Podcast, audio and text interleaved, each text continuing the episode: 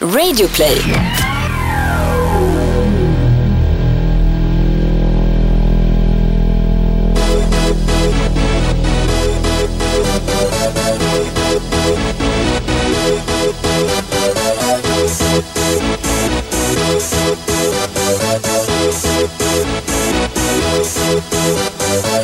Y'all ready for this? Varmt välkomna ska ni vara till Toto Balutto. Det rullar på i uh, gästkön. Eh, Det var ju bara ett avsnitt sen som eh, Ola Wenström var med oss. Nu har vi en gäst med oss igen, det känns skitkul. Dels för att det är vår eh, stora förebild i livet, eh, men också för att eh, hans hjärtas lag snart kommer titulera sig Englands bästa lag igen. Jag talar såklart om Fredrik Pavlidis, varmt välkommen. Tack. Hur är läget? Jo då, det är alldeles fint. Jag, jag kan ju givetvis inte gå med på att säga det här att, att de kommer att titulera sig mästare men eh, du vet hur det är med jinxar och sånt. Du är med Thomas. Du har ju dessutom lite napolitanskt blod i dig på, eh, på något sätt så att eh, jag förstår det absolut. Fast vi har ju känt varandra i, i eh, en del år nu. Jag har aldrig tagit dig som en speciellt, alltså som en person som har speciellt mycket för jinxar och sådär. Nej, man borde vara mer rationell men överlag när det gäller väl ganska många av oss, även de mer rationella och betydligt mer rationella personer än jag får ju sina konstiga Ehm, har sin konstiga relation till eh, exempelvis fotboll och fotbollslivet och allt vad det kan innebära och medföra och eh, en sån sak är jag, jag, jag kan definitivt känna så. Ehm, jag, jag bar aldrig de kläder jag hade på eh, Chelseas FA-cupfinal 1994. De kasserades direkt. Var då när de förlorade med 4-0 mot Manchester United. Och du eh, hade sålt hela Ja, din eh, skivsamling Mm. för att ha råd med biljetten. Ja, just det. Fy fan så ovärt alltså. Efteråt såklart. Ja, nej, ja, både och. Det är, en, det är en väldigt stark upplevelse på, på det sättet. Det förstärker ju känslan på något sätt att man har gjort en uppoffring. Det här är vad, vad som eh, jag bryr mig om. Det här är min känslomässiga insats. Så att någonstans får man ut väldigt mycket av det och även att eh, nästa gång när man vinner så känner man mer starkare också därför att ha varit med om den här eh, uppoffringen och så. Så att eh, på, på ett sätt, eh, det är klart att det var en del av de skivorna jag ångrade i efterhand som var sådana här rariteter som jag hittade på någon marknad. eh. Brukar du vara inne och, så här, och eh, späka dig själv och gå in på Ebay och söka på vad de här skivorna går för idag? Jag har inte gjort det, jag, jag, jag sålde dem för en, men jag, jag insåg ju att, jag, att det var, det var helt eh, patetisk summa jag tror jag sålde dem. För jag, var- jag var ju över på semifinalen i FA-cupen det året och då mötte man Luton Town. Det låter ju knappast som så exalterande men det var ganska kul. Jag hade för övrigt med mig Olof Lund på den matchen. Jaha, Han, eh, ni går han- så way back alltså? Eh, vi kom ju från samma stad, eh, Lund. Så eh, vi, vi, hade, vi umgicks i gemensamma bekantskapskretsar och sånt där men eh, jag kommer faktiskt inte ihåg hur det kommer sig att han var i, i London där. Det var ju inte för att se Chelsea men jag fick med honom på någon Chelsea-pub. Känns ju som att han var där för att parta på den tiden. Ja, kan, kan vara så. Eh, men han, han hängde på, jag kommer ihåg på Sports Pages där man handlar alla fotbollsböcker och sånt i, som var ett kultställe i London. Jag vet att han var, var där och hängde och sånt där.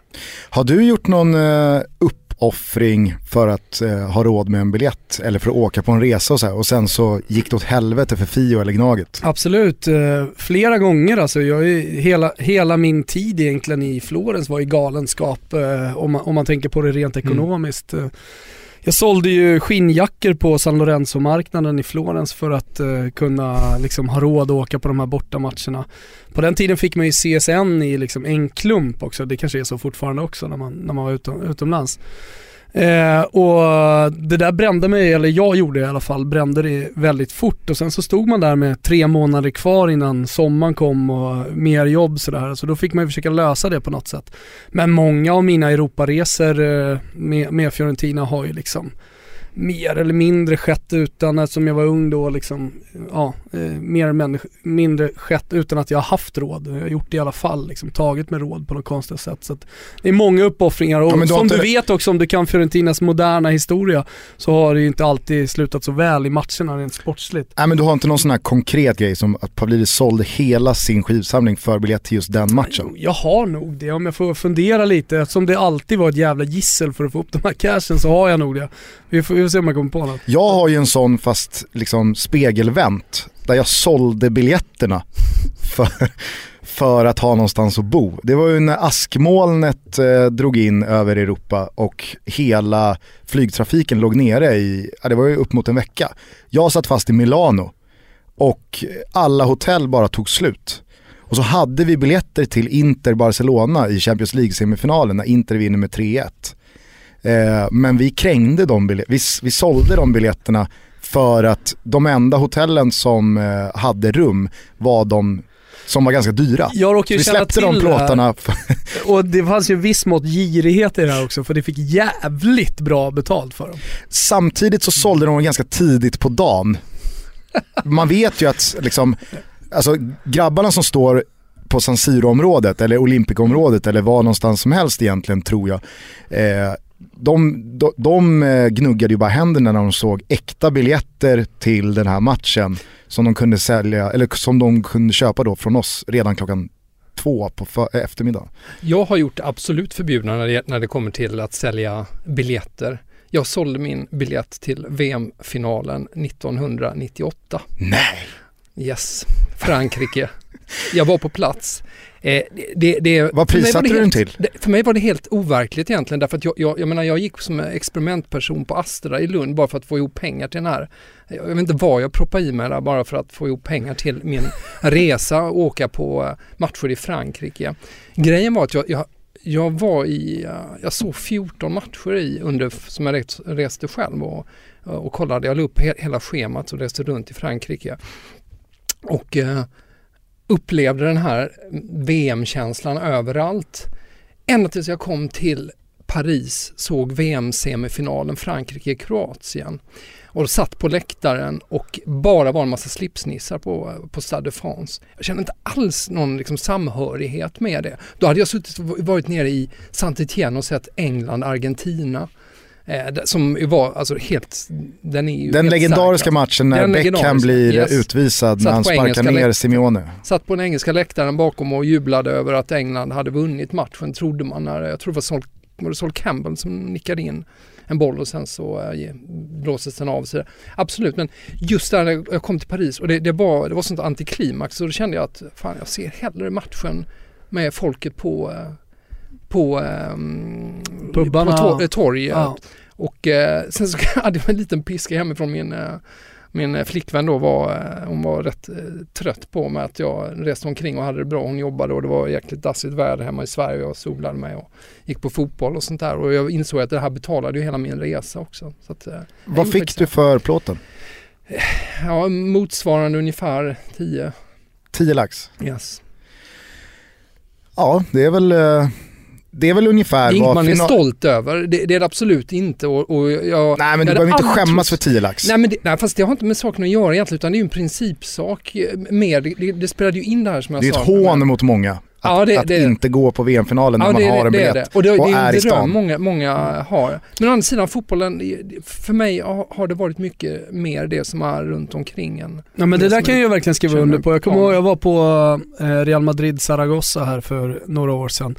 Det är ju en jävla resa som man helst inte minns. Men eh, eh, just matchen där i alla fall så, ja men de beter sig ju illa tycker jag, Real Madrid-supportrarna. De respekterar liksom inte sitt lag alltid. Och sen vet jag att det är en mycket liksom, djupare diskussion och jag förstår att de har vunnit stora titlar genom alla tider och, och att en match hemma mot Zaragoza, Zaragoza kanske inte är allt. Men, men när folk börjar gå i 50-50 minuten, då frågade jag Per Sander som eh, också var där, mm. var är de riktiga supporterna? För de är fan inte här. Då sa han, ja, men alla som har tillträdesförbud och, och, och sådär, för det var ju en utrensning på 90-talet från de spanska arenorna, de är på liksom, bargatan här bredvid. Då sa jag bara, ta mig dit. Mm. Jag ska vara bland de riktiga supportrarna. Så vi, då drog vi. Så då du gick också jag, i 50-50? Ja, ja för fan. Ja. För fan. Annars har jag gjort en grej av det när jag varit förbannad av olika anledningar, att dra från arenan. Men det har ofta haft att göra med att det varit alkohol, liksom, begränsningar. I bilden. Okay. Ja.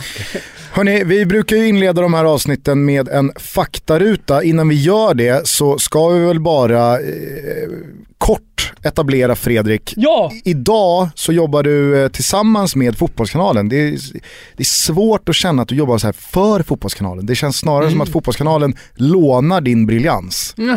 Ja, det var ju elegant uttryckt. Du gör eh, headlines måndag till fredag varje Ja. vecka. Ja. Eh, I både text och webb-tv-format. Beskriva Ja. det. Eh, Jag gör en eh, summering eh, på morgonen av vad som står i utländska medier på deras första sidor i första hand. Sen har jag eh, har det blivit lite mer än så. Jag försöker bläddra mig igenom lite andra nyheter också. Men jag gör i alla fall en eh, egen summering av det och sen så lyfter jag vissa aktuella ämnen eller sparar någonting som jag tycker var lite roligare att prata om till ett webb-tv-program som jag gör lite senare. Så bloggen kommer ut vid åtta tiden på morgonen, prick åtta varje morgon och eh, sen så gör jag webb-tv lite senare på, eh, ja, vid halv tio, tio snåret någon gång.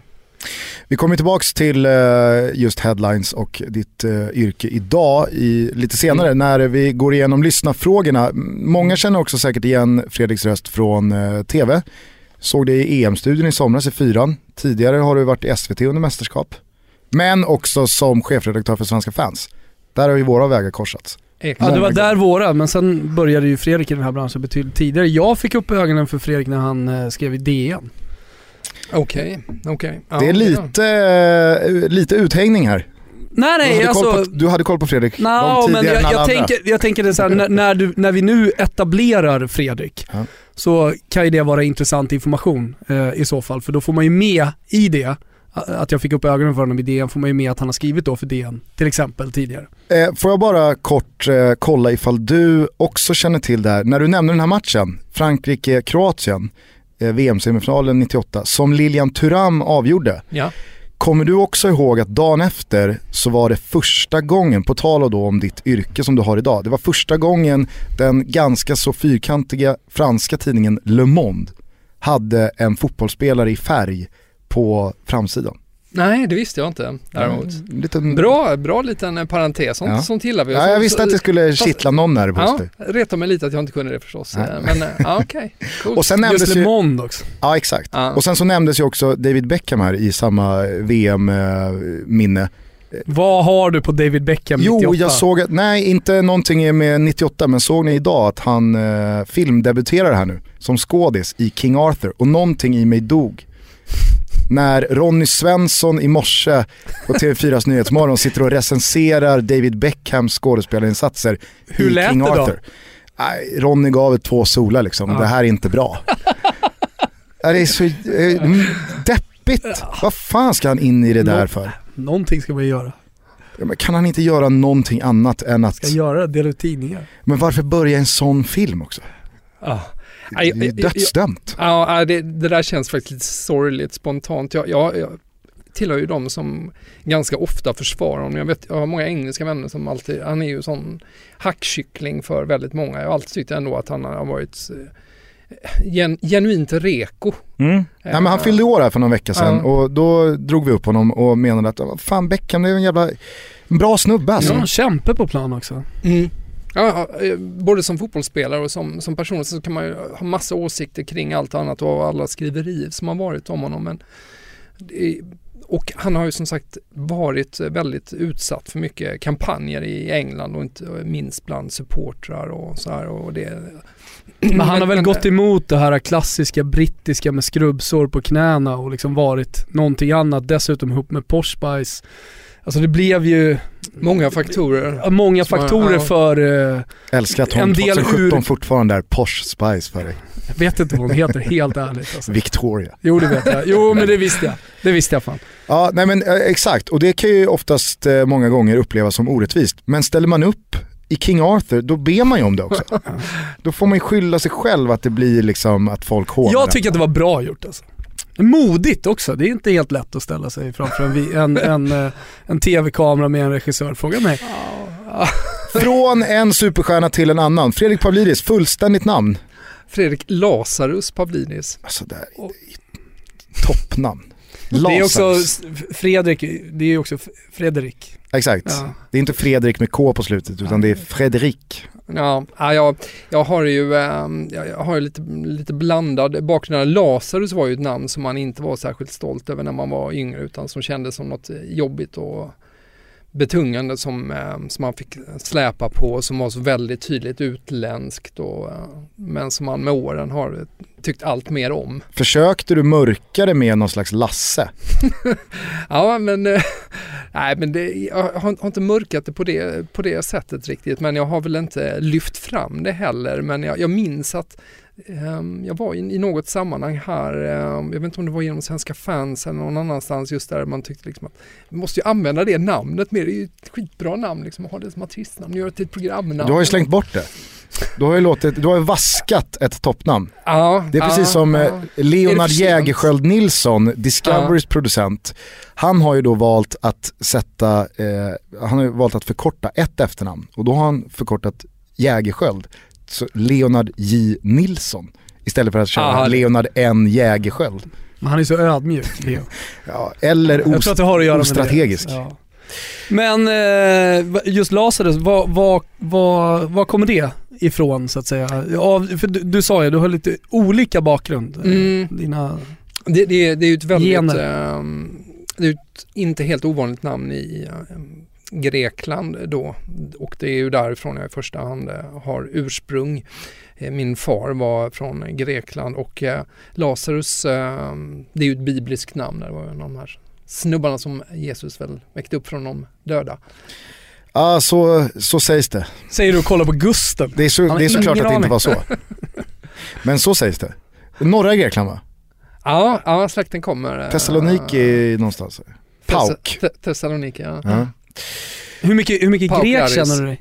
Eh, jag har eh, väl inte bejakat den sidan särskilt mycket från när jag var liten. Också med tanke på att jag hade begränsade språkkunskaper när det gäller grekiska. Lär, min far lärde mig det aldrig riktigt när jag var liten. Och, så att det är på senare år som det har blivit mer att jag har tagit till mig eh, det grekiska och varit i eh, just Thessaloniki och hälsat på släkt och så vidare. Ålder. 51. Alltså det, det kommer ju bli en satt vi med Ola Wenström här förra lång, veckan. seg kamp. Vem som eh, utlever den andra mellan Ola Wenström och Fredrik Ja. Pavlidis. Det känns som att eh, 120 räcker inte. Nej men kropp... Fysiken tar vi ytterligare ett steg upp här med Pavlidis i, i studion. Ja, så är det. Var Går upp är, mot Mjällby. var är hemma för dig? Eh, hemma, eh, väldigt mycket eh, i närheten av eh, där vi är just nu men eh, lilla Essingen är, känns väldigt mycket hemma, inte bara därför att jag bor där men därför att jag är i en miljö med eh, material på springer, simmar och lite sånt här som känns väldigt naturlig. Annars har jag ju hjärtat ganska mycket i Lund som jag kommer ifrån. Vilka språk behärskar du? Jag behärskar väl okej eh, engelska och eh, franska i, i första hand. Sen så kan jag traggla mig igenom lite italienska, aningen spanska, eh, lite, lite grekiska. Sådär. Man märker ju det, nu, nu har ju du headlines och då är det ju liksom de stora tidningarna i Marca, La Gazzetta dello Sport eh, och så vidare.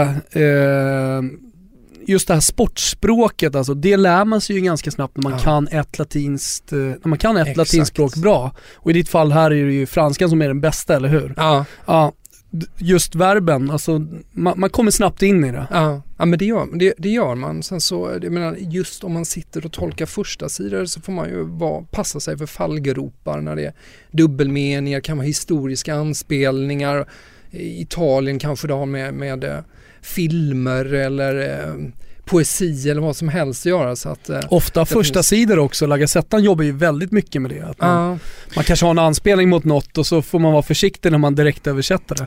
Ja, men det kan jag tänka mig, ifall någon, låt säga typ i Portugal, har ditt jobb och av någon anledning ska översätta en svensk sport, eh, liksom ett sportlöp som kretsar då kring eh, att ett lag har vunnit med 5-1.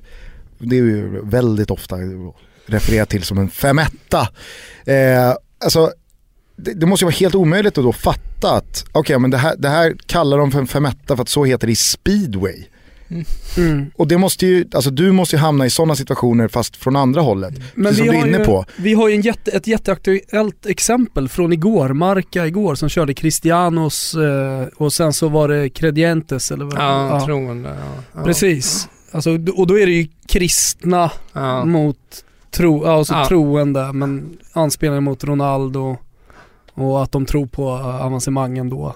Precis. Ja. Det, det, det- där är ju lurigt men det ja, jag vet inte om vi kommer gå in på det senare just med- hur, hur man värderar det um, i, i ett sånt jobb som jag håller på med just att eh, det finns många gånger man får ta ett, ett steg bort, eh, kanske släppa det helt. Jag har Mm. den möjligheten i den formen jag gör därför att jag är osäker på vad, eh, om det finns andra anspelningar eller, att man, man, man känner att fan det här det, det här är inte riktigt, och det, man kan vara osäker på en sån grej även- jag menar, när det gäller eh, man måste vara rätt, det gäller inte bara att kunna ett språk hyfsat bra som engelskan till exempel. Med tanke på hur mycket ordvitsar de har, tabloiderna, så måste det vara ganska hemma i den engelska kulturen också.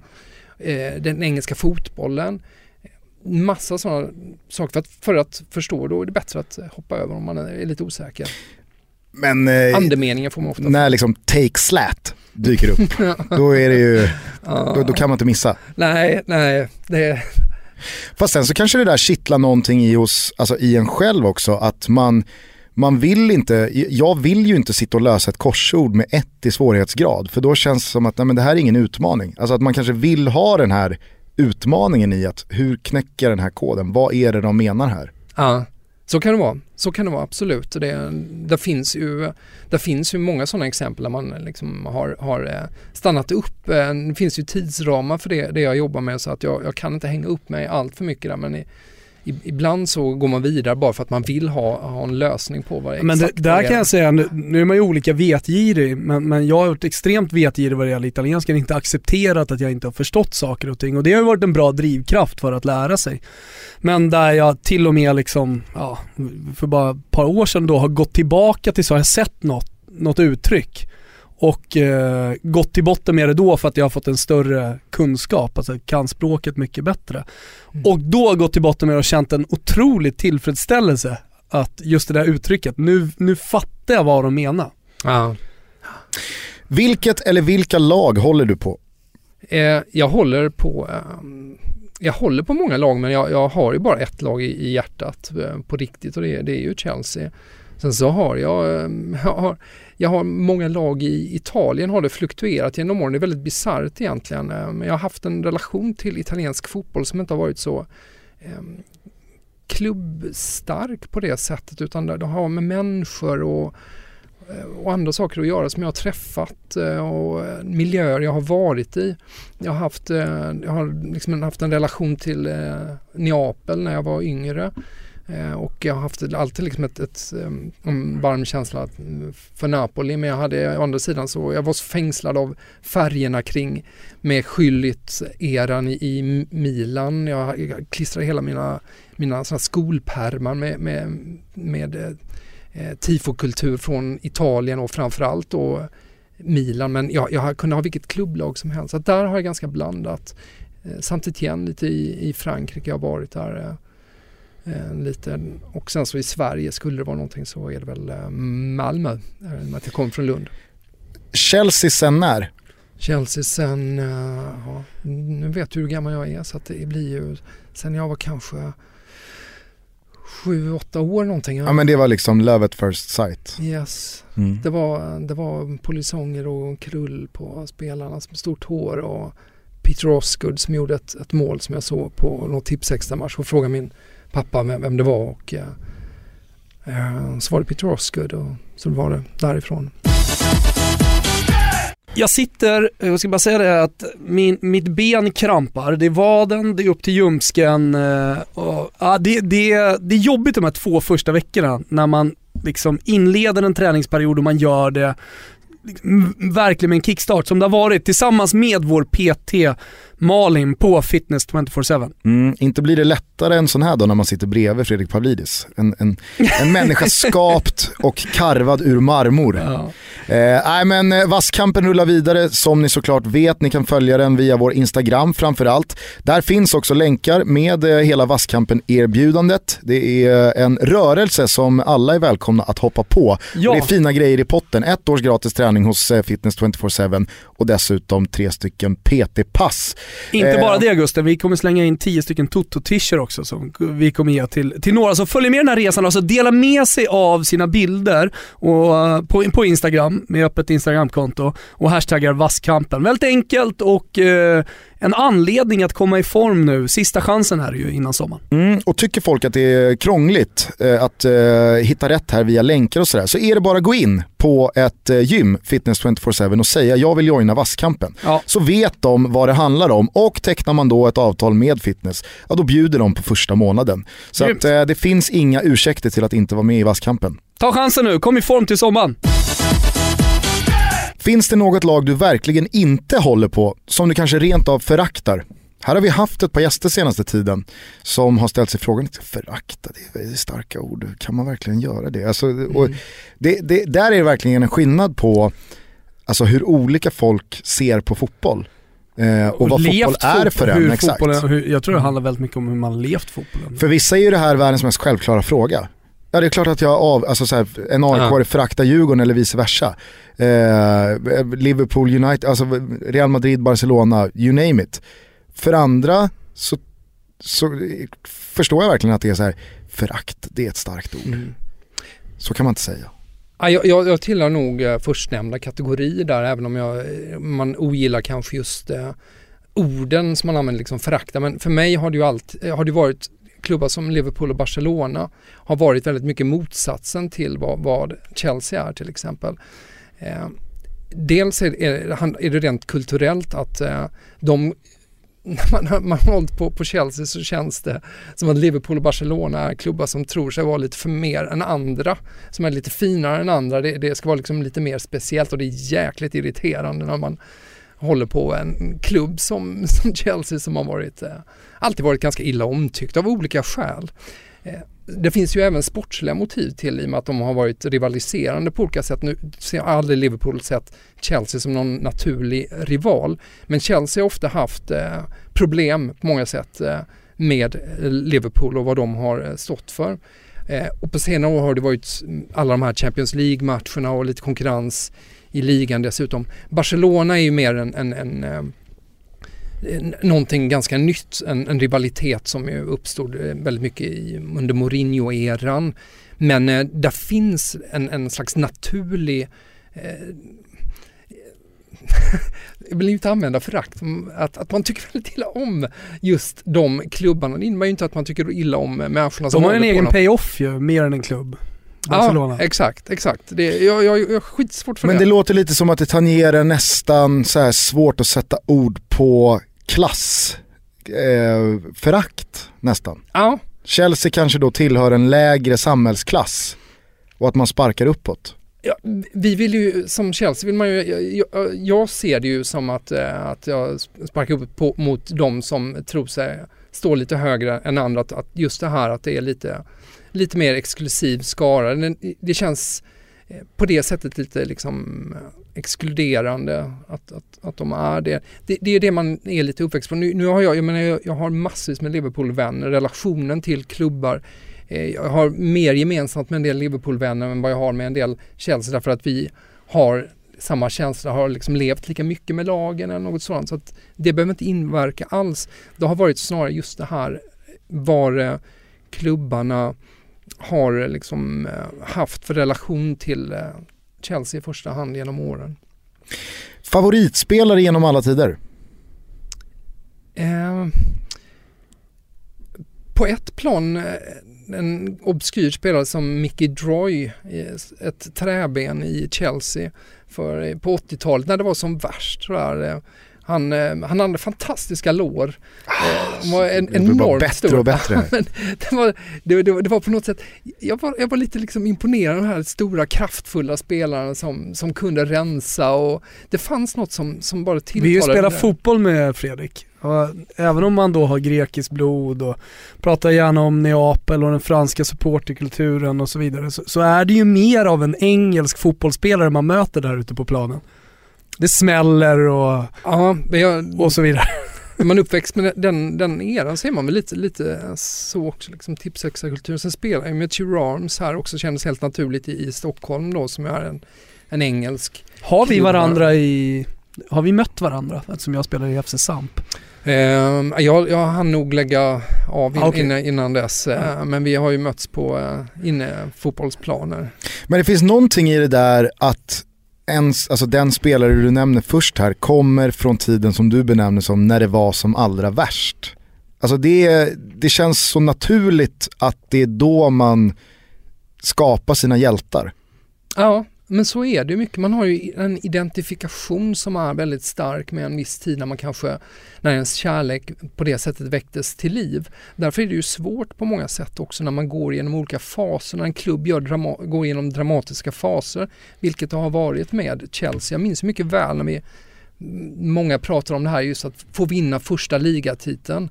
Hur, hur fantastiskt det skulle vara när, när vi var nära och sen samtidigt tyckte att måtte vi åka ur nästa år så vi slipper liksom vara den här eh, någon slags liksom glamourklubb som utan var, komma tillbaks till det vi var. Det, nu funkar ju inte världen på det viset men, men jag kan Ni gick ju lite i bräschen också. Det hade ju varit annorlunda om det hade hänt nu. Ja, så är det. Så är som det. för Manchester City till exempel. Ja, de kom ju eh, undan inom citationstecken på ett annat sätt nu därför att det, det har normaliserats.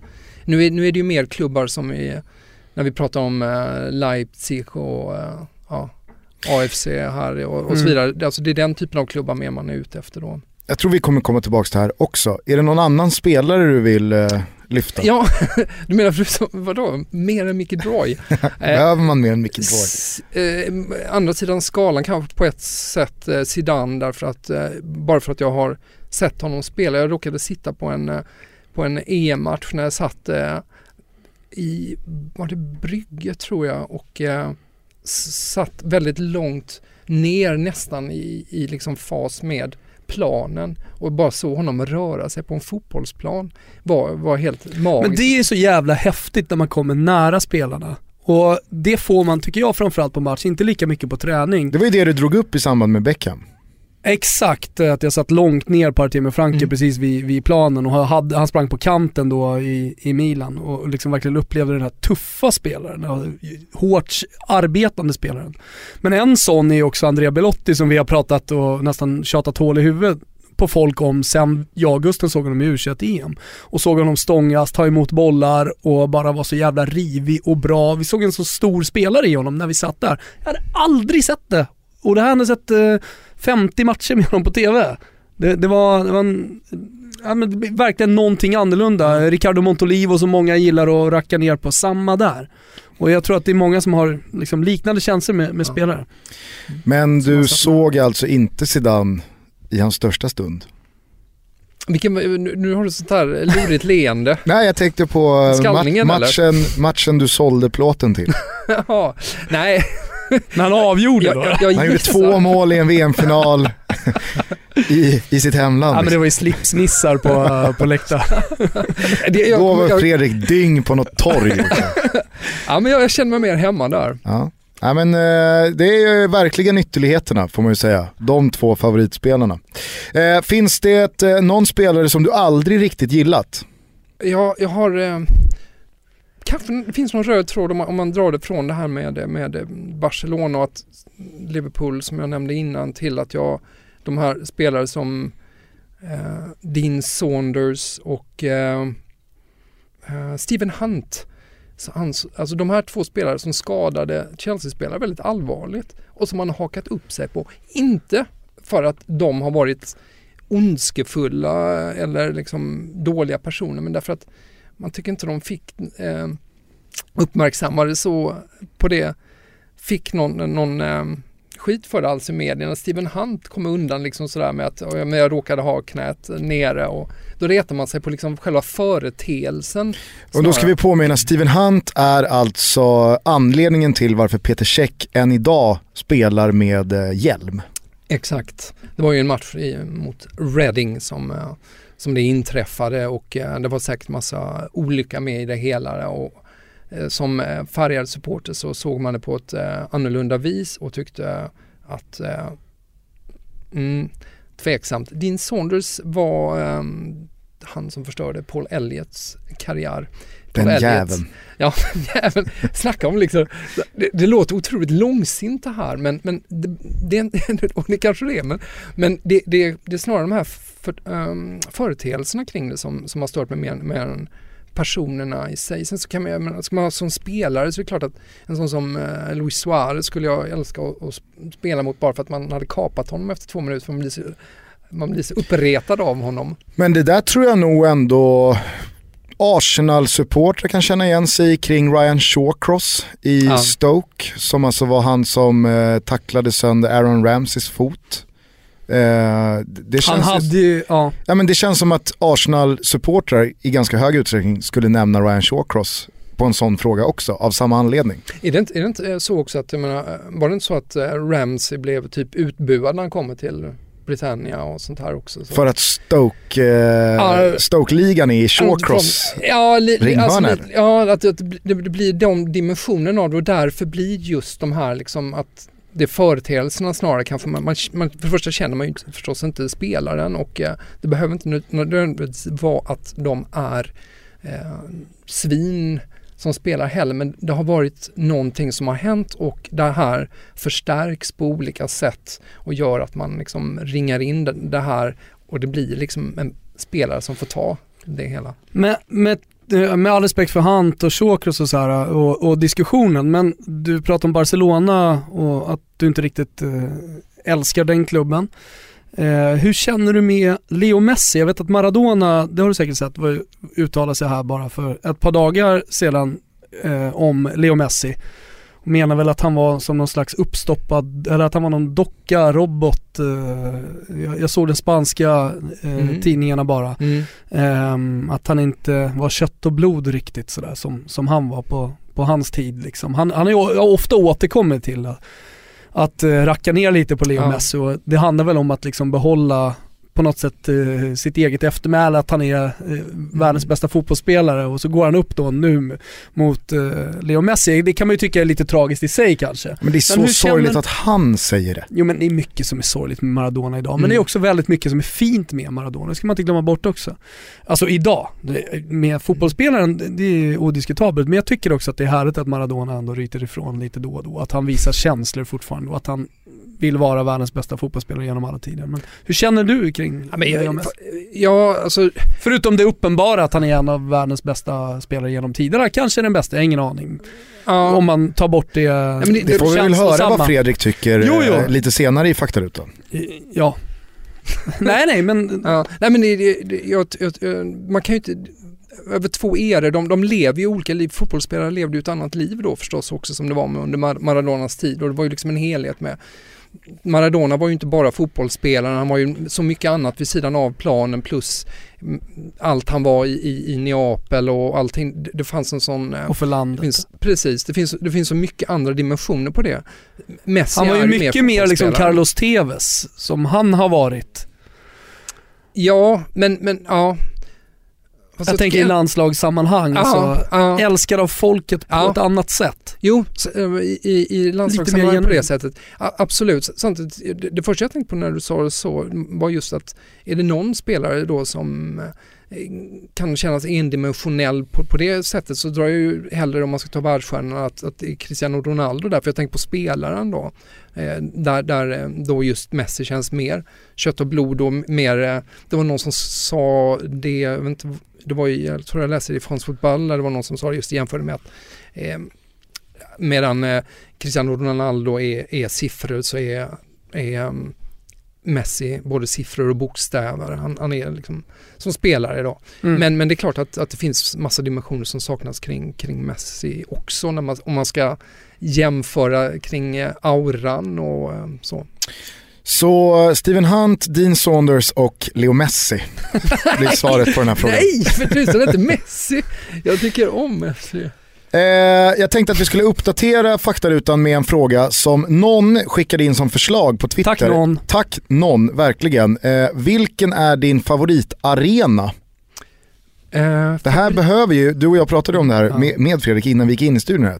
Jag tror inte att det är så många supportrar där ute som per automatik håller sitt lags arena som sin favoritarena. Jag tror att det är ganska många. Ja, men jag tror inte att det nödvändigtvis behöver vara, jag håller på Roma Speciellt och därför om man går liksom varannan söndag till arenan, eller varit väldigt mycket på den, så tror jag nog att det är så. Ja. Jag känner själv att bara för att jag håller på Roma så, äh, Stadio Olimpico det är nog det inte Det är ju å andra sidan inte din, eh, liksom, din varje söndag promenad. Nej, så är det väl absolut. Det jag jag, hade nog, jag hade nog svarat Råsunda om jag hade fått frågan liksom. För att det var, ja men, ja.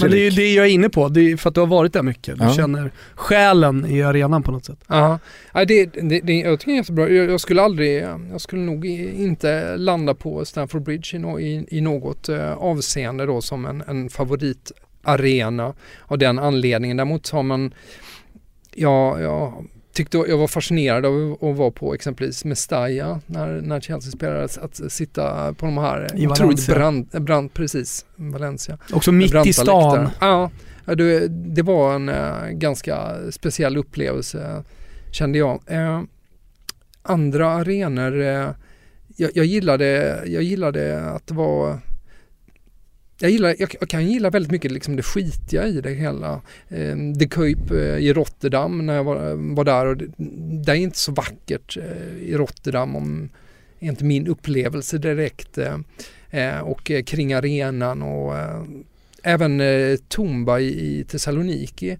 som ju är en väldigt bra stadion. Eh, eller det är Det också blir bra liksom stämning. Och, Ja, och det, den är också mitt i eh, bland bostadshusen så dyker den bara upp. Eh, men det, den, det är också liksom, den, den är, det, det är skitigt och gammalt och mycket klottrat och sånt där. Men det, det, det känns i, i detta tidevarv väldigt eh, genuint. Just det där att en arena bara dyker upp runt ett hörn. Det är ju en viktig aspekt i eh, en, en arenas placering. Ja, det, och där, där hade ju Råsunda liksom en, den dök ju bara upp bakom en husknut.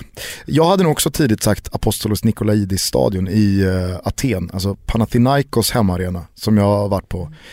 16 000, skitig och sen så har liksom hela arenans yttre tillägnat supportrarna och Gate 13 framförallt. Så det är bara feta målningar i grönt och vitt och svart. Alltså det, det, är, det är så olika typer av fotbollsupplevelser. Jag Mm. håller ju med er, eh, absolut, även om jag aldrig liksom, eh, Artemio Frank är min, min arena, men just det här skitiga. Det är en typ av fotbollsupplevelse. Att, att eh, kolla på Varese och liksom sätta sig på re, rätt av på betong liksom och få betongsmuts på, på brallorna och gå och pinka i en buske liksom även fast du är inne på arenan. Det finns ju något jävla härligt med det alltså. Det, Ar- ja, ja men bara Rigamonti i Brescia och liksom man, man, man kommer ihåg, alltså när man, jag var där för två, tre år sedan. Så här, fan, här spelade Pep Guardiola, Luca Toni, Roberto Baggio för tio år sedan på den här jävla arenan. Det är helt otroligt. Livorno, I Livorno, det går väl att jämföra med Rotterdam då eftersom det är två stycken hamnstäder. Eh, också liksom en arena som ändå tar in mycket folk, 20 000, en ganska stor arena supernedgången, men det finns en bar på bortre långsida som är en riktig bar med träpanel och du kan få en ponche alla Livornese och när du går ut från arenan så ligger havet precis där. Och du kan äta liksom ostron som precis är uppfångade. Alltså det, det är någonting med helhetsupplevelsen här tror jag som, som gör att man liksom verkligen tar till sig en arena. Samtidigt som jag pratade om den här matchen med Real Madrid och eh, eh, Zaragoza det var en jävla mäktig upplevelse att komma in på Santiago Bernabéu, även fast det inte var Champions League som jag såklart förstår är någonting utöver det vanliga. Eh, även om det är liksom Real Madrid utan den supporterkulturen. Det blir mäktigt på något sätt. Så det, det är olika typer av fotbollsupplevelser, som, eh, arenaupplevelser som inte går att jämföra med varandra, tycker jag. Ja, nej, men det, det, det ligger ju någonting i det. det, och det kan bero lite på eh, vad man är ute efter förstås också. Eh, Det, är bara just den här eh, genuina känslan när man trillar över den sådär och li, lite oväntat också kanske hamnar på en arena som man inte har några höga förväntningar på. Att, Mm. eh, och sen så känner bara att det här andas fotboll, den fotboll jag kanske uppväxt med eller Men, men vet, du, vet du vad man nästan når maximalt där? Eller som jag har gjort eh, i alla fall när jag har varit. Man liksom möter det genuina och det storslagna, nästan pompösa. Det är ju San Siro. Alltså ett Milano-derby med 80 000 och på en arena som ändå är lite skitig och man känner Siro- verkligen så här historiens vingslag. Den ser du visserligen, Ja, den dyker dock- beroende på var du kommer Den ifrån. dyker så- sannerligen inte upp bakom ett hörn Ja den bara. kan också göra det lite grann så här. du kan få skymtar av den beroende från var, varifrån du kommer så att säga. Eh, om du kommer från galoppbanan så får du lite skymtar sådär. Ah, skitsamma. Nu fastnar jag, ja, men man får ju massa minnen när man pratar om det. Men, men håll med om att det är ju en sån arena som, som har båda delarna tycker jag i alla fall. Ja, ja. För alla oss som aldrig har varit på Stamford Bridge, hur eh, högt håller du den som arena? Den, har, den har ju en fördel i att eh, den, är så, eh, den är så tight. Och eh, jag, jag minns faktiskt eh, Napolis Cannavaro. Jag försökte leta upp det citatet, jag kunde inte hitta det men, men eh, för en tid sedan just för att jag, jag, men jag minns det klart att han sa det när Napoli och Chelsea möttes. Var det åttondelsfinalen 2012? Så kan det vara. Ja. Så kan det vara. Jag har inte 3-1 på eh, San Paolo och sen, så två- vänder vände. eh, Chelsea ja, hemma. Precis. Men då, då, då, Flaggtifo. Ja, vi ska gå, inte in på det. Eh, då, då, reagerar han, vilket man kan tycka är väldigt märkligt, på att, eh, på att det var liksom jobbigt med trycket från läktarna. Att han kände av det där på, på Stamford Bridge mer än vad man gjorde i, i Neapel. Vilket ju är mot all, all logik kan man tycka. Men det har ju givetvis med att göra att ljudet, det är ju två väldigt eh, olika arenor på det sättet. Och där du har ljudet då, där vi tycker det är väldigt mäktigt med Neapel och eh, där du har en otroligt passionerad publik men den försvinner upp väldigt mycket ljudet också därifrån. Eh, Stamford Bridge är ju väldigt tight på det sättet och du kan nog som spelare uppleva det när du har dem i flåsandes i nacken och det är lite stämning på Stamford Bridge, vilket det faktiskt är emellanåt Mm. på stora matcher. Att det är eh, att, att det känns verkligen. Så att det, det finns eh, stunder och det finns eh, tillfällen när, när det kan vara ganska, ganska coolt på, på Stamford Bridge också. Intressen utanför fotboll? Eh, musik i första hand eh, har blivit eh, ja, löpning och eh, lite annat. Träning i Lite Också. annat. samhällsfrågor. Om för att låta Ja. pretto. En person utanför fotbollen som du ser upp till? En person utanför fotboll. Eh, Eller har sett upp till under. Ja, ehm, framförallt var det någon som stod mig nära var ju min, min morfar som jag växte upp med i, i Lund väldigt mycket. Som var eh, egentligen min, min eh, styvmorfar men jag är väldigt mycket uppväxt med honom. Han var eh, professor i romanska språk. Så det var nog han som väckte mitt intresse för utland och språk. Då. Din fetaste fotbollsupplevelse någonsin? Här hade du kunnat svara. VM-finalen 98, Frankrike-Brasilien, Zidane nickar in två. Ja, Gusten, det kunde jag gjort men jag kan gå tillbaka till precis samma VM och säga att jag var- på en ännu fetare match där när jag var på England-Argentina. Det går inte att komma ifrån. Den hade precis allt. Inte bara vad som hände på planen utan hur det var på läktaren, intensiteten i Michael liksom Owens eh, mål också. Hela. Eh, ja, exakt. När han sprätter upp den i krysset. exakt. 18 år gammal. Ja, äh, okej. Uh, fair enough. Vem från fotbollsvärlden hade du helst velat dela en flaska vin med? Ja, det hade ju ur både ett eh, arbetsmässigt eh, och ett nyfikenhetsperspektiv varit kul att dela en flaska vin med eh, Roman Abramovic därför att folk vet så jäkla lite om honom. Jag, jag, det är inte för att jag tror att han nödvändigtvis är en superintressant och, eller intellektuellt stimulerande människa. Men därför Varför tror du inte det? Säkerligen törstig, det är bara det intressant. Ja, precis. Men varför tror du inte det? Bara en känsla eh, som man har haft. Men jag, det, jag har inget att bygga det på egentligen därför att man, har, man vet så oerhört lite Tänk om han är knivskarp. Det kan ju mycket väl vara så. Det kan mycket väl vara så. Ytterligare en anledning till varför jag kanske borde dela en flaska vin med honom. Plus att man ju har ju ett scoop utan dess like då om man skulle få en intervju med honom. Med tanke på då det grekiska, det franska och det italienska, vad hade det blivit för vin? Ja, jag, jag är ju inte som... eh, Bosse som ni Pettersson, där. han, han ville ju då slå ett slag för Han drog en fan en lans han för drog fan en lans vin. för det grekiska vinet och då visste man ju att fan, Bosse har inte riktigt bra på de här grejerna. Nej, det, det, det, jag, jag Så det är klart att det finns något skönt bomvin eh, ja. till en grekisk sallad, det har jag inget, men Nej, ja, ja, nej men nej, jag, jag, jag, jag kan inte viner men jag har ju varit när jag var och var hos några vänner i, i, i Turin eh, och eh, inför då är det ju Juventus, nära Chelsea. Alba och Barbera, Ja, ja. Barolo. Ja, det är där väl eh, jag landar i så fall. Mäktigaste numret som du har i din telefonbok? Men jag har ju inga, det, det, det måste ju vara era nummer va? Nej, det tror jag verkligen inte. Jag undrar om inte jag en gång i, i tiden hade typ en, ja, eller så bara inbillar mig att jag, att jag fick hans nummer också med, med Nick Hornby. Jag, Hur jag hade- inbillar man sig att man har fått Nick Ja, Hornbys nummer? Därför att vi, vi, hade en liten, vi hade en liten fight han och jag. Ehm, Fysisk eller? Nej, men det var, det var när hans... Nick Dans. Hornby är alltså författaren till den klassiska Arsenal-boken Fever Pitch.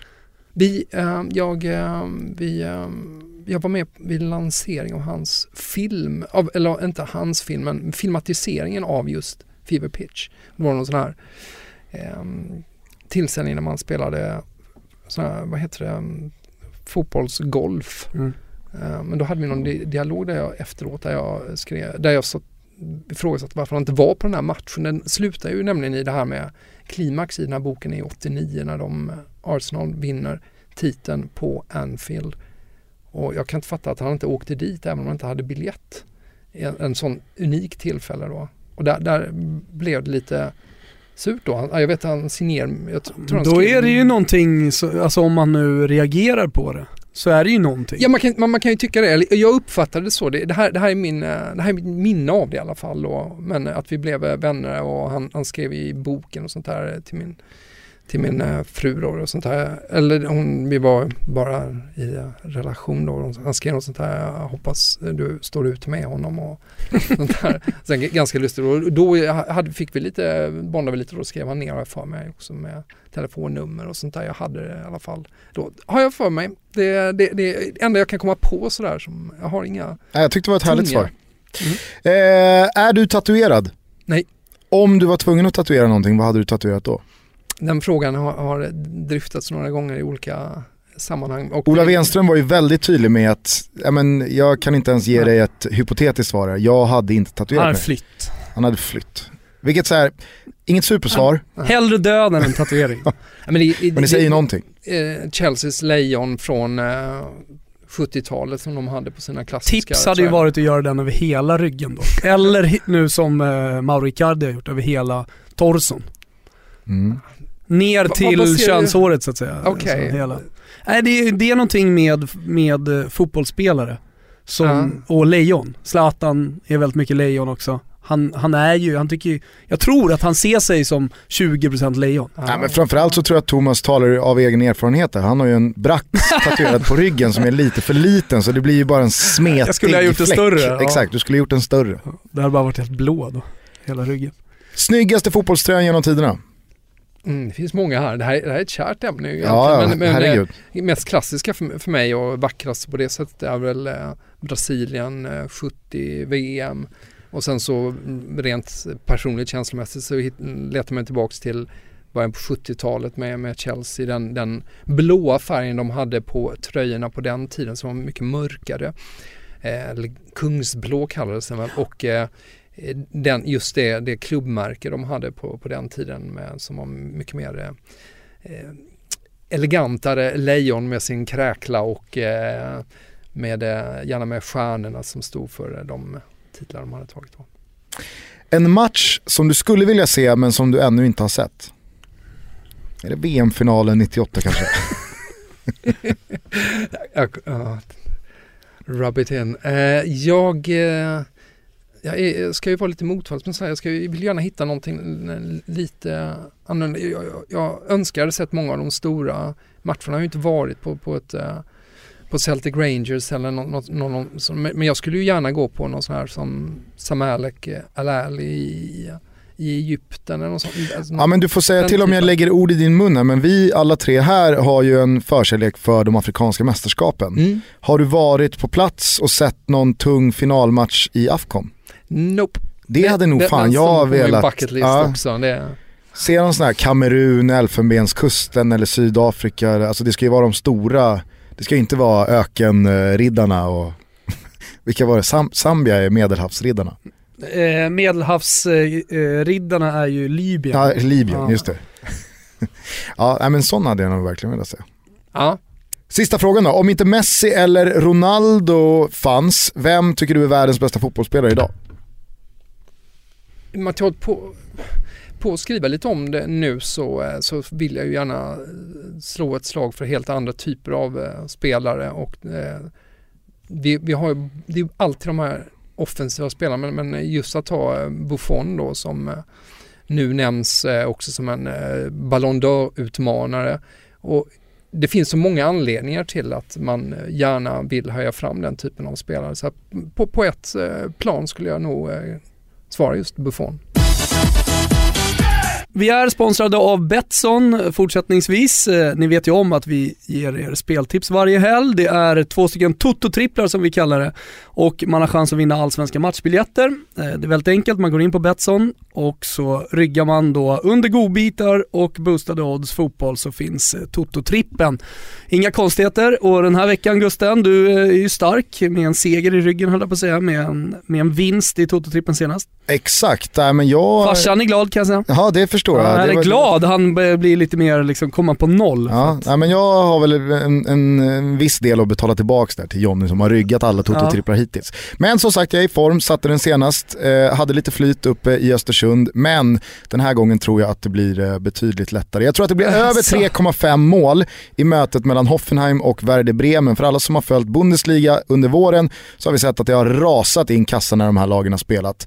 Fler än tre mål i den matchen. Jag tror att Barcelona med Neymar tillbaka från avstängning kommer att göra fler än tre mål, bara de, borta mot Las Palmas. Las Palmas har inget försvarsspel längre och Barcelona har bara ligan att fokusera på, så där kommer det smattra. Och sen så tror jag att Tottenham slår United med en rak seger hemma på White Hart Lane. United har fokus på Europa League, Tottenham kommer vilja slå dem alldeles oavsett hur det går för Chelsea. Så att eh, Tottenham Mm. vinner. Tre överspel från Italien, inga större motivationer. Alltså, jag har anledning att jag har spelat men vi drar ändå snabbt. Ni ska bara lita på mig hörni. Tre gånger över 2,5. Inter, Sassuolo, Fiorentina, Lazio, Atalanta, Milan. Alla de här matcherna har ja, så många olika vinklar på att det kommer bli chansrikt. Så att eh, över 2,5. Sista chansen för eh, några av lagen att rädda den här säsongen och då handlar det om tre poäng. Insatsen är 148 kronor, ni eh, screenshotar den och hashtaggar in den i hashtag Toto-trippen så är ni med och tävlar om både dineros och biljetter till valfri allsvensk match i juli månad. Tack till Betsson. Imorgon fredag så spelar Chelsea sin eh, tredje sista match för eh, säsongen. De gör det på The Hawthorns borta mot West Brom och en seger säkrar ännu en ligatitel. Hur känner du dig som Chelsea-supporter sådana här dagar? Ja, man känner sig Uh väldigt, eh, väldigt gott mod, behagligt. Eh, det, har ju varit, det har ju varit en sån märklig säsong därför att det har ju liksom bara flutit på på något sätt. Det har inte varit så mycket ups and downs just för Chelseas del egentligen. Utan det har ju liksom flutit på hela tiden. Det är ju därför de vinner också. Så att eh, det har varit en, en ovanligt behaglig resa för att vara en eh, ligatitelresa ändå. Ja, jag, när jag blickar tillbaka på den här Chelsea-säsongen så känns det som att efter den där förlusten mot Arsenal på Emirates ganska tidigt in i säsongen. Ja. Sen dess så har det bara, som du säger, flutit på. Okej, man åkte på en välförtjänt torsk borta mot Tottenham där det kändes som att ah, men det här är nog inte klart än. Men sen så bara tog man nödvändiga segrar och även fast poängavståndet ner till Tottenham framförallt har minskat senaste tiden så har det ju aldrig känts riktigt hotat. Men jag tänker som supporter har det inte hela tiden varit, eh, det, ska, det är inte jobbigt att vara i en stor ledning i toppen, men, men att slå ifrån sig de här tankarna om att det är klart, för det är det alla krönikörer eh, skrivit Ja. om sen i vintras. Eh, alla spekulationer, så fort du hamnar i ett fotbollssammanhang och pratar om liksom, ditt supporterskap om Chelsea så, så har du mer eller mindre bara fått tillbaka, det, det är klart. Det, Eh, det, det är ot, otroligt irriterande. Jag, jag, jag vet att eh, det är den andra sidan av det. Jag, jag har en, en eh, nära vän till mig som är Man United-supporter. Han, han, brukar, han brukar typ efter första segern som Chelsea tar på en säsong så säger han, brukar att säga bara grattis till eh, ligaguldet. Börjar liksom häckla eller hetsa redan då att man kommer att vinna. Och eh, det är, den biten är jätteirriterande och eh, man vill inte jinxa och allting det här. Hela det, hela den, det paketet finns med någonstans men eh, och det har inte känts, det känns ju inte säkert, det bara, bara förvånat mig eh, lite jämfört med just för att jag har de andra gångerna de har vunnit så har, har jag upplevt en större känslomässig turbulens kanske kring det. Det har känts så väldigt eh, stabilt, Jag nämnde Arsenal-matchen givetvis, eh, men det är ett ovanligt balanserat lag om vi jämför med många av de andra engelska lagen och många lag i allmänhet och med Chelsea tidigare också så är, är, man liksom, är det ett väldigt balanserat lag just. Det sticker inte ut eh, med att ha eh, världens bästa offensiv eller världens bästa defensiv men det finns en balans i laget som är ganska slående och märks väldigt mycket i konkurrensen också. Vilka skulle du vilja hylla mest eh, i det här säsongens Chelsea? Men, det är vissa självklara spelare som, eh, som eh, Conte som eh, han är ju så gosig också så man, man, man blir bara kär i honom. Det, och, och, plus då att man har ju en eh, det finns ju paralleller till Makelele som ju också var en väldigt älskad spelare. Eh, så att eh, den typen av spelare som är ju fascinerad förstås av de, hur spelare som Hazard har, har lyft sig. Men sen finns det ju de här som inte uppmärksammas kanske lika mycket som eh, eh Aspilicueta, som Aspilicueta, eh, Dave som han brukar kallas då. Ja, det kan du inte bara berätta snabbt? Nej, men det, det, det, det är en del engelsmän som retar sig också på det, men engelsmännen har ju överlag så svårt med uttal. Aspilly... Quetta. Och då blir det liksom att han i supporterkretsen en del bara kallar honom för Dave. liksom. det, är så, jävla underbart. Jag vet att vi pratade om det där, jag tror att vi twittrade om det där tillsammans med några och så blandade sig Philip O'Connor i ah. och berättade om någon annan spelare, jag vet inte om du kommer ihåg det, men då var det också någon sån här afrikansk spelare som hette någonting Svår Jättesvåruttalat så att de kallade honom typ bara Steve. det, var... det, det, det, det, kan, det kan ju uppfattas lite, lite föraktfullt också just ur engelskt perspektiv där man ofta ser dem som liksom eh, ganska inskränkta då också. Men det finns ju också en viss humor i den då tycker jag. Såklart. Jag tycker också att alltså, det, det man inte ska undervärdera eller glömma bort i det här Chelsea, det är att man ja, men hela det här lagbygget känns som att ett plus ett har blivit tre. Man har, man har fått ut eh, Victor Moses och jag menar Marcos Alonso. Vem såg honom gå och vinna Champions, eller Premier League som en nyckelspelare för bara något år sedan. Mm. Nej, det stämmer. Det var ju många Fiorentina-supportrar som var sura över att inte Mario Pascual spelade. Eh, utan att det var Marcos Alonso, det var absolut ingen som såg honom bli, bli en världsback. Men jag skrev det i en krönika här efter senaste segern att eh, jag tycker att hans Antonio Contes storhet, just att hitta perfekta roller för spelarna och få dem att växa och glänsa eh, på planen är ja, men sällsynt eh, briljant bland coacherna ute i världen. Han är, han är otroligt skicklig liksom på att hitta exakt rätt roll på planen. Också hur han hanterar spelare. Kolla på Fabregas till exempel. Uh, och, uh, i, i den krönikan skrev jag det. När, det, när det är så att Chelsea ska äga bollen, det kommer vara ett stort possession, Conte vet om det. Ja men då spelar han eh, Fabregas från start, så som fallet var senast och han var briljant. Eh, om det är en match där man vet att man behöver kriga betydligt mer, ja då sitter han på bänken. Om han ska bryta en matchbild för att han behöver en teknisk fot, då sätter han in Fabregas. Men att hela tiden hålla honom nöjd med det också. Eh, så att i det, i Fabregas tycker jag det finns mycket som beskriver storheten med Conte. Dels hur han lyckas behålla harmonin i laget trots att man inte matchar hela tiden och hur han då använder spelarna. Mm, ja, men det, det, är en bra iakttagelse, en bra jämförelse faktiskt tycker jag. För han, han kan definitivt symbolisera just den liksom, balans och harmoni som, som har funnits och som har karaktäriserat den, den här, det här året med eh, Conte och som jag tror har förvånat dem flesta Chelsea-fans. Jag tillhörde ju de som, med all respekt för Conte och uh, jag gillar ju honom och den passion man har redan sett av honom tidigare och även kunnande men jag tror det var helt kört med det här laget men det är helt obegripligt för mig att se spelare som eh, Victor Moses som vi var inne på tidigare också, hur han har liksom tagit eh, sin chans och hittat sin roll då som vi pratar om. Eh, hur eh, Matic och eh, Hazard har, har lyft sig från förra säsongen. Det är kanske är ett större frågetecken hur de kunde gå ner sig så som de gjorde. Just eh, Fabregas var ju också tungan på vågen i den matchen som jag nu minns också var väldigt definierande för den här säsongen. City borta när man ligger under med 1-0 och Kevin De Bruyne står för kanske säsongens grövsta miss när han skjuter över från en meter i öppet mål. 2-0 där jag är inte oh, så säker på att vi hade suttit i, i den här eh, situationen. Alltså det, var, det var när Chelsea sen vänder, byter in Fabregas och de vänder och vinner den matchen med 2-1. så kändes det som, eh, vilka ska stoppa det här Chelsea? Ja, det var, Mm. det var någonting med, med Ja. den där vändningen. Eh, jag måste fråga, har det med ålder och livsfar, livserfarenhet, om det nu är så, jag vet inte, men har, har du blivit mindre glad med åren vid framgångar? Komplex fråga det där. Eh, mm, det, det kan... Det känns kan, inte som att du liksom skriker och lever in och jublar och alltså så här. Du har inte sett mig på en läktare va? nej, icke. Nej, nej.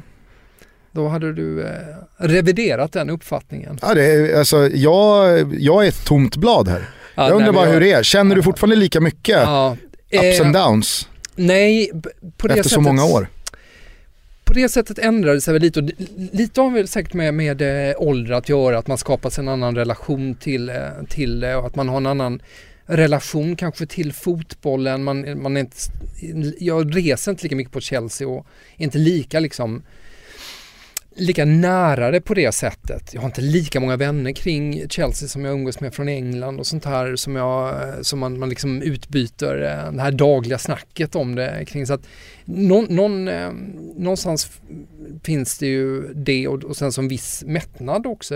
Man har haft framgångar nu. Det, det, finns en, det finns en otrolig charm i när, när man var, åkte jojo mellan eh, första och andra divisionen och liksom ta steget upp där. Man kan minnas de framgångarna som eh, lika stora men eh, eh, så att eh, man, mår, man mår ju otroligt bra på när man känner att man är där. Nu är vi ju inte helt framme ännu heller. Men eh, Men jag kan, ap- nu, nu är Du jag, brukar ju ofta bli Serie B-romantiker. Ja, men, nej, men jag, jag tänker på det här med att bli glad och just det här, jag, jag känner ju exakt samma med Fiorentina supporterskapet, just det här att jag har inte lika mycket det dagliga.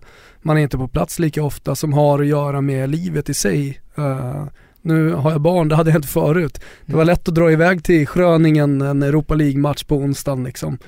Eh, spontant, bara för att man lyckades lösa jobbet sådär. Det, det, det, det gör man inte längre med, med, med barnen. Plus att man också får perspektiv till livet, alltså ju äldre man blir, kanske, vad vet jag. Att man kan ta motgångarna lättare på något sätt, det som händer i fotbollen. Och kanske, kanske också lite på bekostnad av glädjen, jag vet inte. Ja. Ja, mo- Motgångarna är nästan det som är tydligast att man handskas bättre med nu.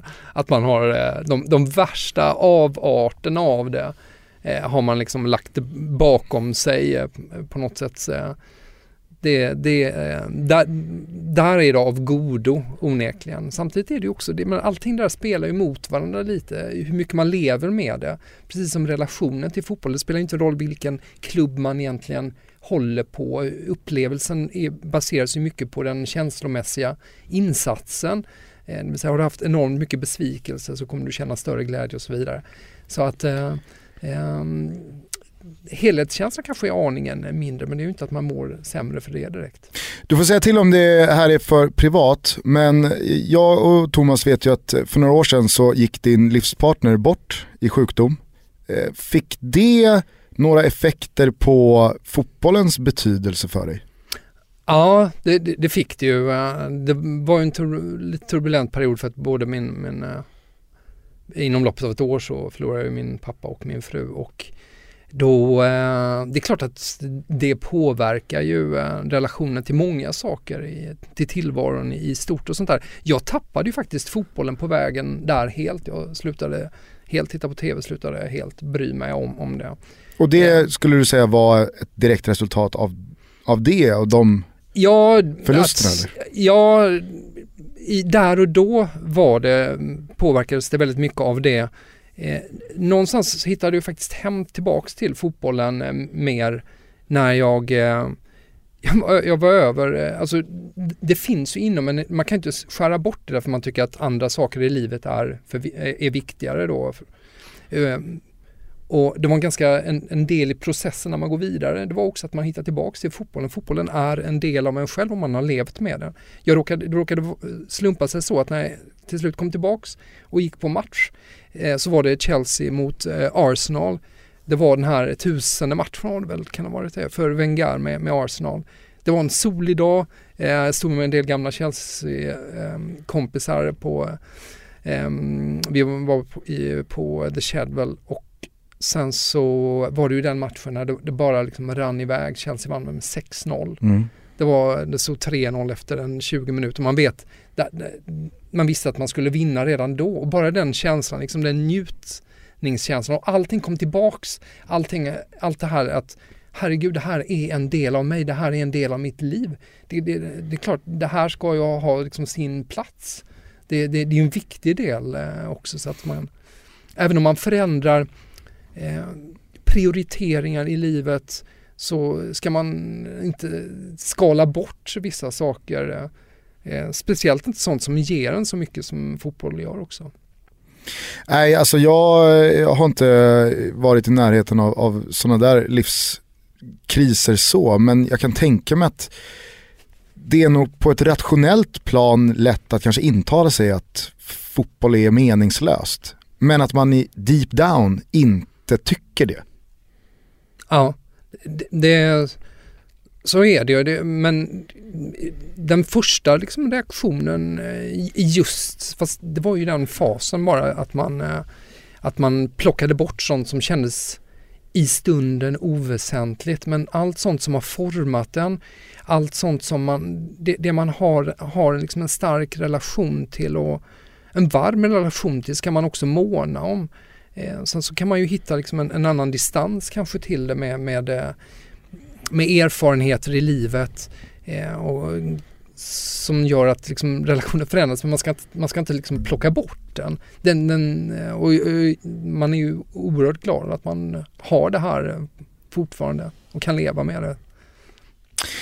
Innan vi släpper eh, Chelsea bara så måste jag fråga dig. Eh, jag har pratat en del med David Fjell som också är känd Chelsea-supporter. Eh, hur är din relation till Mourinho idag efter de senaste åren och det som har skett med ja, hans exit från Chelsea, att han nu är United, bråken med Conte som har varit, saker han har sagt på presskonferenser och sådär. Var, var, var står du och José? Jag, jag har faktiskt aldrig riktigt varit eh, team José. Eh, det, inte? Det, nej, in, in, inte på det sättet. Jag vet... Jag trodde eh, alla svalde honom med hull och hår. Ja, och det gjorde man ju på många sätt. Man, på, på, alltså det han åstadkom med Chelsea och det... Hans tränarkapacitet det sättet han svepte in i Chelsea, det älskade man och att han var liksom stod för klubben känns som det. Men urholkades också snabbt i mina ögon därför att jag, jag, hade, jag hade lite svårt, jag hade, det gjorde alltid lite ont i mig sättet som han handskades med vissa saker, sättet han uttalade sig kring vissa saker. Det här liksom, de dragen hos honom tyckte jag aldrig var särskilt vackra. Sen så klart att som Chelsea-supporter så så var man, eh, så månar man om honom, man vill ju ställa sig liksom på hans sida men jag, jag vet så många andra som eh, dyrkar honom kanske mer och som tog det här steget när han nu hamnade i United mycket hårdare. Jag har nog inte tagit det lika hårt av just den anledningen för att jag såg det mer som en, en jag hade mer känslan av att han, han, han gjorde en fantastisk gärning i Chelsea och jag kommer alltid liksom och se upp till honom av den anledningen. Men jag tog aldrig till mig honom riktigt, riktigt på, på det djupet som en del andra eh, gjorde just. Men det här tycker jag understryker det jag upplever att Chelsea-läget är jävligt splittrat kring Mourinho ja. idag. Ja, och det, det, är fortfarande så här. Jag, är en sån här, jag har ju hängt på Chelseas engelska forum sedan eh, tidernas begynnelse känns som. Men i ja, tiotal, ja det är väl tio år eller någonting sånt där som och eh, det, det, där finns faktiskt, de har ju en av de få eh, engelska fotbollsforum på den nivån tror jag som fortfarande på officiella hemsidan som håller liksom en viss nivå. Man har koll på de mest profilstarka eh, som, som har hängt alla år. Och man, man, får ganska bra bild även där, även nu när jag inte varit så, så mycket på och rest på dem. Eh, och det märks ju väldigt tydligt också hur folk reagerar på Mourinho och hans uttalanden nu. Eh, när han har varit i United, att en del retar sig och liksom bara häcklar honom för det och andra blir liksom sådär, hur fan kan ni hålla på? Det är liksom han, vad han har betytt för oss, varför, varför haka upp er liksom på det där. Det, det går igen hela tiden, han, han, är fortfarande en personlighet som väcker väldigt starka känslor bland Chelsea-supportrar. Och det kommer nog ta en tid innan man hittar riktigt vilken relation man kommer att eh, slutgiltigen ha. Men, eh, och särskilt för de som har haft väldigt starka känslor eh, för honom. Och eh, för min del känns det ganska så liksom oproblematiskt. Jag, jag är liksom helt okej okay med det är lite så, är lite i tiden också. Alltså dels, han är i Manchester United just nu. Det är fortfarande liksom modern fotbollstid eh, när han var i Chelsea och ja. när han lyckades. Man behöver nog mer tid innan man får riktig distans till eh, en, en, eh, en, en, tränare på det sättet. Ja, det, det så, så. Just att han fortfarande verkar också. Ja. Och, och i ligan och mot er. Så är det och det är många som tolkar många uttalanden han gör ju som mot Chelsea och, och det, det, det gör ju ont hos många också att, eh, att han som var Mr Chelsea på något sätt under, under sin era där eh, nu kommer med uttalanden som kan kännas som liksom pika mot Chelsea istället när han alltid var den som han jobbar ju liksom med sin klubb, han, han, han är ju som han är. Det, jag, jag, tycker inte det finns något konstigt, jag tycker inte han har varit kontroversiellt på det sättet gentemot Chelsea heller. Många, inte bara media, men många supportrar också som, som vill tolka det eh, lite extremt sådär när, när han gör saker och ting. Så är, så är det för, ju definitivt. För att han har varit eh, eh, väldigt kontroversiell genom åren. Ja och därför han, han har ju använt sig av eh, mind games, han har använt sig av alla möjliga olika sätt och det, man, man vill gärna all, då alltid tolka in att det finns en eh, undermening i, i det han säger eller någon liksom någon, någon peak i, i allt. Superduper hypotetisk fråga men om du fick spola tillbaks eh, klockan 20 år hade du velat att eh, Chelsea hade tagit in Roman Abramovic? Hade du gjort om det? Um, den är, är verkligen svår därför att jag, jag, kan vända mig mot dem som eh, har, eh, på något sätt kan jag tycka att eh, när, när man ser hans tid här nu så har han faktiskt ändå varit en ganska bra klubbägare på många plan i och med att han har haft den ovanliga kombinationen av att då både pumpa in pengar och eh, bry sig väldigt mycket om klubben. Det finns väldigt mycket värre exempel och han har ju hånats ganska mycket för det här men... Ja men jag och Thomas har pratat om det mm. också flera gånger att det Abramovic har klivit in i Chelsea och lyckats göra känns idag nästan legit. Ja. Som att, men fan det, det, det är nästan old school här. Det blir ju så det, och det förändras ju lite just med att med att eh, saker och ting har förändrats med tiden som, som har varit sedan han kom. Så att eh, på många sätt så, så, tycker jag inte alls han har varit så eh, usel eh, klubbägare eller så vissa har liksom eh, försökt eh, måla upp honom som det, liksom det värsta man kan ha. Jag, jag, jag, kan inte förstå det riktigt. Eh, sen sa att han har sina nycker då när han har bytt tränare och eh, visst agerande och, och, och allt det här men Sen, men sen så är det ju mer den andra delen som jag har lite svårt för i och med att Chelsea förändrades så radikalt. Men har, så extremt som det blev i och med att han klev in. Det är mycket möjligt att de hade gjort det om det hade blivit någon annan. Vilka var det som var aktuella då när han klev in? Så var det ju även, eh, var det inte Briatore jo. och eh, vad heter han nu? De har, var, de har varit och, de har varit och ryckt i, i mer, ja. mer eller mindre varje klubb. Ja. Eh, det är alltid de kittlande aldrig... att tänka liksom vad, vad, vad hade det, det var bra av att det inte blev dem. Men, men, men, men just det här liksom att det finns ett litet eh, mått galenskap hos en klubbpresident, det ser jag nästan som sunt för att fotboll är så mycket känslor på alla plan. Eh, på läktarna, för spelarna, då ska nog även en klubbpresident känna eh, de känslorna också och det kanske blir lättare då, alltså om en, en klubbpresident agerar spontant så blir det så stort till exempel i ett, klä, eh, i ett, i ett tränarbyte. Eh, men att jag tycker att det snarare då, om det sker med lagom liksom, portion galenskap och inte så ofta är sunt. Mm. Där måste man ju säga att där, där är ju känslan utifrån att Abramovic har taggat ner i ambitionen att lägga sig i det sportsliga. Jag menar jag minns de första åren då det kändes som att Abramovic bara liksom, jaha Scolari, han var förbundskapten för Brasilien, nu, då vill jag ha någon som tränare för Chelsea och, och där är Shevchenko, han har gjort massa mål för Milan. Han tar vi också. Avram Grant är att förglömma. Det måste ju ändå vara den kanske märkligaste tränartillsättningen av, av, av dem alla. Va? Eh, så att, men å andra sidan, jag menar, jag hade ju Ancelotti skrev ju i sin bok om, eh, även om att eh, Abramovic la sig i mm. ganska mycket. Så att det, det, där finns ju den sidan av det hela som man ju inte är helt bekväm med. Men, men om, man, om man tar lite distans till det hela och, och tittar på vad, vad Chelsea åstadkommit under den här perioden eh, eh så är det ju svårt att eh, liksom racka ner på det, på det planet. Lite som Silvio Berlusconi bara för att jämföra med en annan väldigt framgångsrik klubbpresident så, mm. så kan man inte ta ifrån han titlarna även om man har varit väldigt mycket hands-on den klubben och varit nere och bestämt mm. operativ klubbpresident. Vi måste börja avrunda och eh, vi eh, kör såklart några av era fantastiska lyssnarfrågor också till Fredrik. Eh, Rasmus han undrar om du någon gång har kört Google Translate på dina headlines-skapelser? eh, ja, jag gör det nästan varje dag. Men, ett, men man får ju se det som ett verktyg snarare. Ja. Eh, det, det, det, hjälper ju till. Eh, och du, du letar ju ofta ord. Jag kör ordbok jätteofta därför att du fastnar i en översättning och så vill du ha andra typer av ord. Så att eh, det är alltid bra att ha liksom som, som ett hjälpredskap. Du kan aldrig förlita dig på det. Det, det, det vore det vore riktigt illa.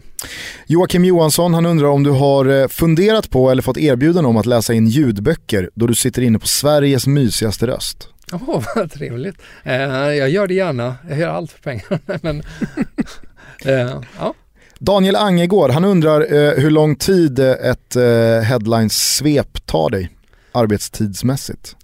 Tror att ni nämnde att jag går upp klockan fem och det, det, det, är inte sant riktigt. Jag har blivit allt tidigare dessvärre för att jag försöker utforma det så mycket och försöker hitta fler källor. Så jag, jag går oftast upp vid tre-tiden. Hur pallar du gå upp tre då? Jag, är, jag känner mig eh, som kung i världen vid den tiden av någon mm. anledning. När man är, Först man av alla. Ja, man får, det finns också något filosofiskt över att eh, se världen eh, vakna upp och jag har mm för någon timme så är jag, jag den som har lite koll på, eh, på, på några saker. I alla fall. Så när folk vaknar vid åtta och slår upp sina tidningar då kan de bara liksom gå till headlines, du har redan varit där. Ja. Så det finns ingen anledning. Ja men jag kan känna det själv. Jag läser ju, läser ju eh, tidningarna också sådär på morgonen, de internationella jag börjar ju egentligen med att gå in på ditt svep liksom, och kika in okay, cool. vad har hänt ja. för, Jo men ja. för att du får sammanfattningen innan man ja. börjar klicka in sig på pdf. Sen hittar man någonting, ja ah, Marca skrev det där, ja då kan jag gå in på den pdf-versionen liksom och, och läsa, läsa in mig så att säga djupare. Simon Tellson, han undrar ifall Chelsea har någon riktig diamant på gång som eh, du har ögonen på? Oh, sånt där ska jag ha koll på. Jag, jag är ju sån här som, som vill vara smal och kolla på uh, U18-matcher eh, och sånt här. Men eh, det, det, jag har gått bet på så många unga spelare som, som har försvunnit ut, ända från liksom Kakuta och alla de här som man trodde skulle bli någonting. Och McEachran. Det var ju min, eh, ja exakt, det, Josh McEachran trodde man att här kommer nästa kapten. Jag är mer imponerad av just de här spelarna, att det faktiskt finns några som kanske håller på att spela sig in äntligen i, i liksom truppen och laget som Nathan Ake som Chaloba som eh, var nere i Napoli och fick jättefin liksom, fostran. De håller faktiskt på att bli liksom, spelare som tillhör truppen och kan slåss om platser. Oskar Isaksson, sista frågan här. Han undrar då vem du är som supporter. Du var ju inne och snuddade vid lite. Mm. Är du den som skriker eller den som är lugn? jag är inte det minsta lugn. Jag är ganska lugn som person i allmänhet men inte på läktare. Långt därifrån.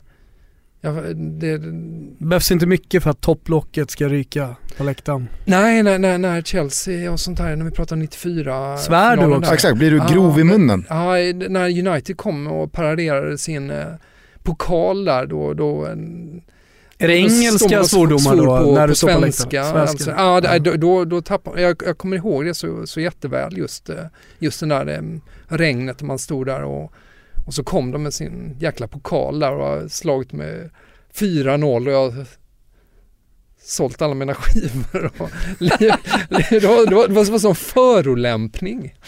Så Olof Lund, Olof Lund har hört en jävla syndaflod av eh, jag vet inte om det var den, jag tror det var semifinalen han... Ja just det, det var semifinalen mot Luton. Tror jag att, att, att det var om jag inte minns.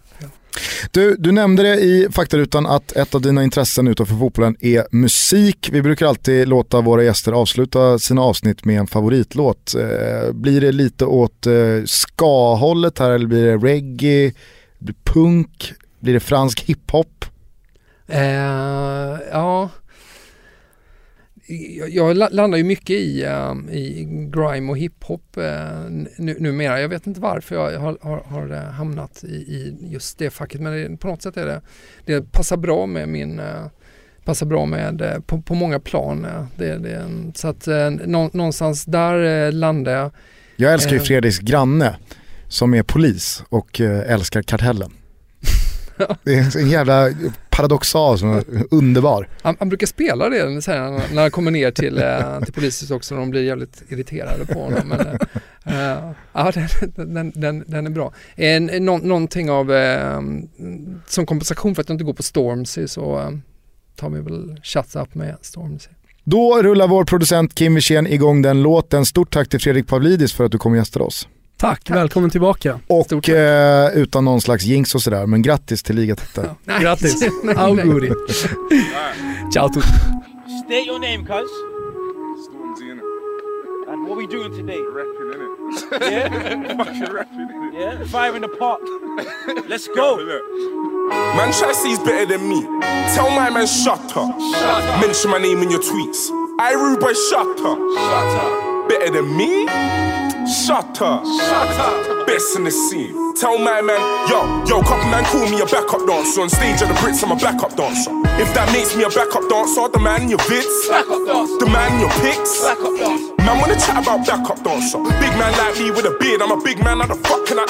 Army comes everywhere I go. I can't run with my enemy show. Walk in the club with all of my tugs. Party's done, everybody go home. Apart from the girl, them you lot stay. Walk in the club with a girl, say hey. Tell a man like I'm K to the A. There's no champagne, we don't rave. Yeah, I'm the best, I'm so cocky. I got a mob like ASAP Rocky. I set trends, don't man copy. They catch feelings, I catch bodies. They roll deep, I roll squaddy. Got about 25 goons in my posse. They drink Baileys, I drink Bossy. I get murky, they get worried. If you got a GAT, bring it out. Most of the real bad boys of the south. If you wanna do me, something on my belt. I'm not a gangster, I'm just about. But you see my man over there with a pouch. There one of you man try get loud. All of my man them move so foul. I might sing, but I ain't sold out. Nowadays, all of my shows sold out. Headline tour, yeah, blood sold out.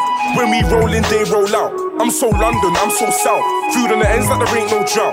Flips don't talk like he's got no mouth. I wanna make my mum so proud. Like yo, mum, book a flight, go now. All of my ex girls talking me hard. Talk to my face and talk to my palm. Had full bills and I bought me a car. Little red whip that I bought for my march. I straight Mercs and walk in the park. I take care when I water my plants. These MCs wanna talk about Lord of the Mics. You ain't even Lord of your yard. Dead MCs, blood, leave me alone. Me and your girl only speak on the phone. Kill a whole crew of MCs on my own. Kill a whole crew of MCs for the throne. I was out hungry, so I'm hungry. Man, try eat, then leave me the bones. Now these niggas, they need me to grow.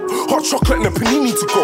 I'm a big man, fuck a postcode war. Man, are upset about the mobile awards. Yeah, I was gassed at the mobile awards. Why? Cause I ain't won a mobile before. Duh, all of your MCs sound so bitter. Shut down wireless, shut down Twitter. Shout out DP, shout out Flipper. Best my age, blood. Look, if you don't rate me, shame on you. If you don't rate me, shame on you. Can I order a deathbed for an MC? He wants beef, let me make that too. Anyone else wanna make that move? Anyone else wanna pay their dues? Imposters wanna take my tune. Stiff chocolate, yeah, my face so smooth. Check it, don't even talk too much, you're a talker. The man still go halves on a quarter. Saw me turn from a prince to a pauper. Two cigarettes and a bottle of water. Tell the bouncer I'll get the bottles in order. Man in the kitchen putting in orders. Stiff chocolate, skin clear like water. Smoothing this thing